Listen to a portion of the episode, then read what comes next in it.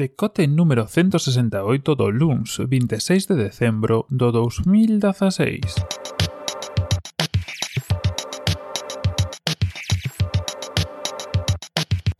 Bos días benvidos a este novo decote, ou xa despois do Nadal, e tivemos aí un, unha catastrófica serie de desdichas ou hai unha serie de, non sei como chamalo, culebrón eh, a palabra que gusta que me gustaría utilizar é colebrón, colebrón, porque ha sido unha cousa moi do verán, non sei vos se vos lembrades.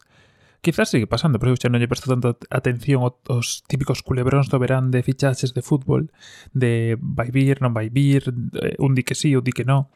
E lembroume tal cual a esa situación E estou falando ni máis ni menos que do que pasou con RE Vodafone entre o 23 e 24. Bueno, vamos a facer un pouco de retrospectiva, de contexto, como lle gusta decir aos historiadores, e é que, eh, non sei se sabedes, pero bueno, R leva dende o 2007 ofrecendo un servizo de telefonía móvil, móvil R, eh, un servizo que ofrece como OMV. Que quere decir isto? Que ela non ten, bueno, ela, vamos a supoñer que R, eh, que esta empresa, que R, por eso femenino ela, eh, ten eh, antenas, non ten un servizo, non cando, bueno, cando se fixo todo o tema de cobertura de antenas, pois ainda non existía como empresa e non puido optar a este tipo de cousas.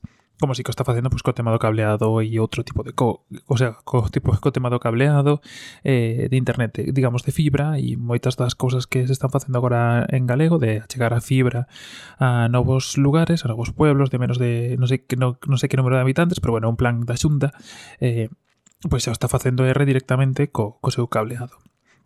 Que pasa co tema do móvil? Pois que R non ten eh, esa infraestructura e, por tanto, ten que eh, alquilarlle a algunha das tres grandes empresas que sí que teñen.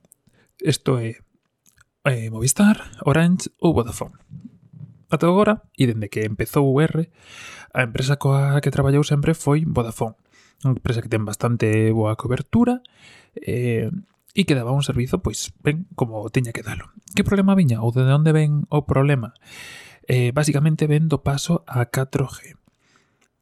Non sei se vos dices conta, pero eh, e, bueno, se si non me equivoco así é como son as cousas, si me podes corrixir, eu corrixo despois, pero tal e como sei eu que son as cousas, R levaba un tempo esperando, eh, agardando que Vodafone lle dese por fin acceso á rede 4G que estaba, que estaba eh, creando en Galicia. É un proceso que leva un tempo, le van facendo probas e le van facendo unha serie de cousas, pero eh, nunca acababa de, de ocorrer, nunca acababa de dar o paso e dar o acceso a toda esta xente ata o punto ou ata onde eu sei, eh, evidentemente a R echaronse as narices e decidiu cambiar de, de compañía. Bueno, hai máis cousas, hai unha serie de cambios, tamén Euskaltel se xuntou con R, comprou R, unha cosa aí que ainda non teño moi clara. Eh, e, e está o tema de cambiar. Cambiase Orange, basicamente porque Orange sí que ya estaba acceso a, a rede 4G, a máis velocidade, algo que evidentemente si queres competir no mercado, pois pues tes que ter e como eres un OMV fastidiaste e dependes un pouco do que do que fago o resto. Como Vodafone non lle estaba dando ese acceso, pues pasaron a Orange. Orange evidentemente ten peor cobertura, pero bueno, quero decir, tes que eh, intentar equilibrar a balanza o mellor que podes. Ademais desto, como sabedes, R está metido ou inmerso eh, nunha serie de cambios de prezos, de tarifas e de cousas. En moitos casos, pois, tal e como percibimos o cliente para peor, porque unha suba de prezos sin eh, que haxa unha mellora dos servizos directa, por decirlo así.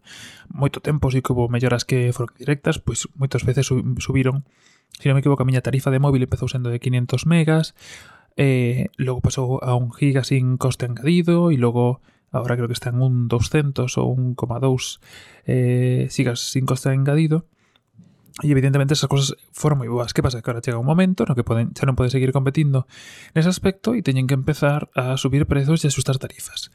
E, eh, pois xunto con todo isto, evidentemente produce ese cambio de antenas que se produciu non fai moito. Creo que a todos vos chegou unha mensaxe dicindo que ibades a cambiar e que ibades a empezar a ter e que si había mala cobertura ou algo así, que era por eso. Eh, o se o fixen, evidentemente, se fixemos todos, E ata aquí, digamos que a situación como está. O sea, que temos, por un lado, clientes un pouco descontentos pola súa de prezos, logo unha situación así de convulsa polo cambio pola adquisición dentro da propia R, e ademais de todo isto, pois pues, o cambio que se fixo de, de cobertura. E con estas situacións así tan bonitas e no momento do ano en que menos se fai uso do teléfono, como vos xa sabedes, eh, producese o que pasou o 23 pola tarde. E isto é que de repente non hai cobertura, non se pode chamar e tampouco hai eh, cobertura de datos.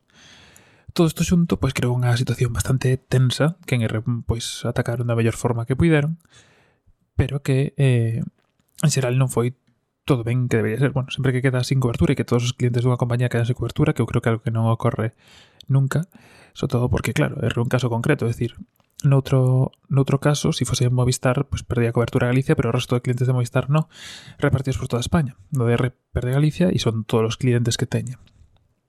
En fin, deus o caso. A cuestión agora, eh, e o interesante desto, e o que está para seguir agora as próximas veces, é que, bueno, produce o caso, R, eh, a, intenta tallar o, o tema, levalle pois unhas 12, 15 horas a tallar o tema, e logo explica un pouco que pasou.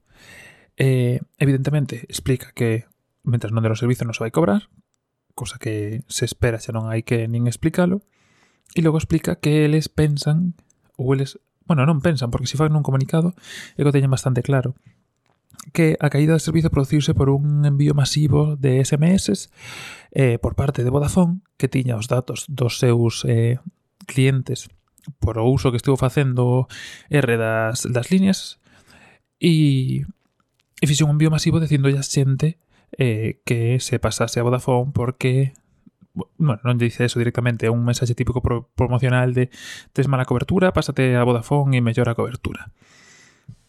Evidentemente a Vodafone isto non lle sinta ben, envía un comunicado dicindo que rectifiquen, e aí está a cousa, esta cousa moi divertida. Evidentemente xa está uh, as entidades encargadas de regular este tipo de cousas, que non me sai eh, o nome, E nada, deixo vos na descripción o comunicado que deu R por Twitter, que non me parece unha forma moi alá, e o comunicado que se fixeron eco os medios de Vodafone. Eu non pude atopar o comunicado, parece moi raro, foi unha página de comunicados de Vodafone, non atopei, busquei en varios xornais a fonte dese comunicado, non a atopei, pero bueno, eu deixo vos o artigo de MyAndroid onde fan o comunicado, gustaría meter visto o comunicado de verdad, pero bueno, quizá algún de vos tamén ten acceso ao comunicado de verdad, y, y non lo pode... Bueno, por lo menos que me pase o enlace por saber que existe de verdad e xa está, eu non poden atopalo. Yo de refixose por Twitter, ese sí, e todo aí.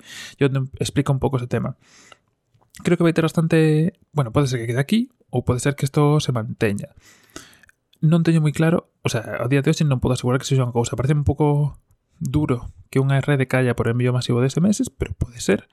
Cosas peores se viron, tamén Vodafone, o sea, Vodafone, Orange, que sería o, o que tivo que xestionar este envío masivo, pois, pues, non sei, pareceme, bueno, preocupante, quizá non, non é, non son teleco, quizá algún teleco ou 20 pode decírnolo, E nada máis, a ver como se desenvolve isto. Eh, ahora mismo pues está eso, en nas autoridades competentes, que se soe decir, e a ver como se resolve. E nada máis, simplemente isto, poñervos o día, porque se si non sodes usuarios de R, pues quizá nin vos diste desconta. Pero pasando a estas cousas, está aí a cousa que ferve entre os dous operadores, aínda que seguramente intentarán relaxar posicións para que quede no mínimo posible, pero bueno, veremos como acaba, se acaba, e veremos se si se dilúe ou se mantén aí no tempo. E nada máis por ese, eh, que teñades un bo luz, un bo día, e vamos mañá no mesmo sitio e a mesma hora, como sempre. Tedes todos os enlaces abaixo na descripción en podcast.algue.net, tamén as redes sociais por se si queredes comentar algo e nada máis, que teñades un bo día ja tämänia.